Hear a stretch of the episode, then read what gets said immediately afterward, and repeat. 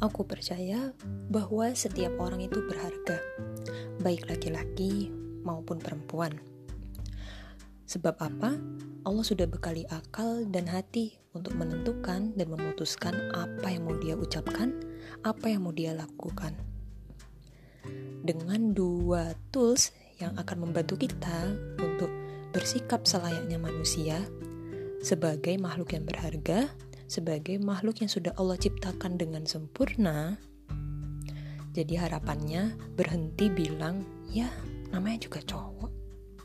Atau Makanya jadi cewek tuh jangan gini gini gini gini gitu. Makanya kamu tuh lain kali ini ini ini ini.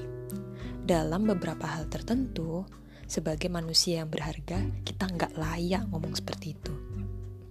Karena kita tahu Allah sudah kasih petunjuk, Allah sudah kasih arahan yang pas untuk membuat kita jadi sebenar-benar dan sebaik-baik manusia.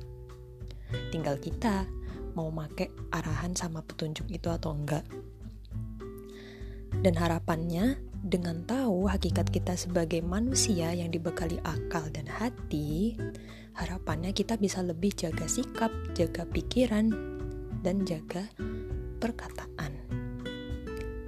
Untuk yang laki-laki, bisa dengan belajar untuk menundukkan pandangan, gak gampang tebar pesona, belajarlah dan lebih kerja keras gitu, berhenti bermain-main gitu hanya karena mungkin laki-laki itu lebih fleksibel ya masalah mau nikah kapan atau gimana gitu. Yang perempuan pun juga sama, berhenti membicarakan hal-hal yang terlalu ringan bahkan saking ringannya jadi uh, receh mungkin.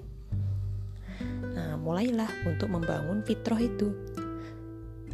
Dan hal ini berlaku juga untuk laki-laki belajarlah membangun fitrah masing-masing, fitrah femininitas, fitrah maskulinitas, dan bentuk diri untuk jadi sebaik-baik dan sebenar-benarnya manusia.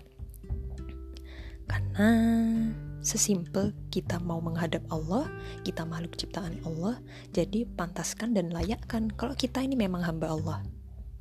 So, are you ready?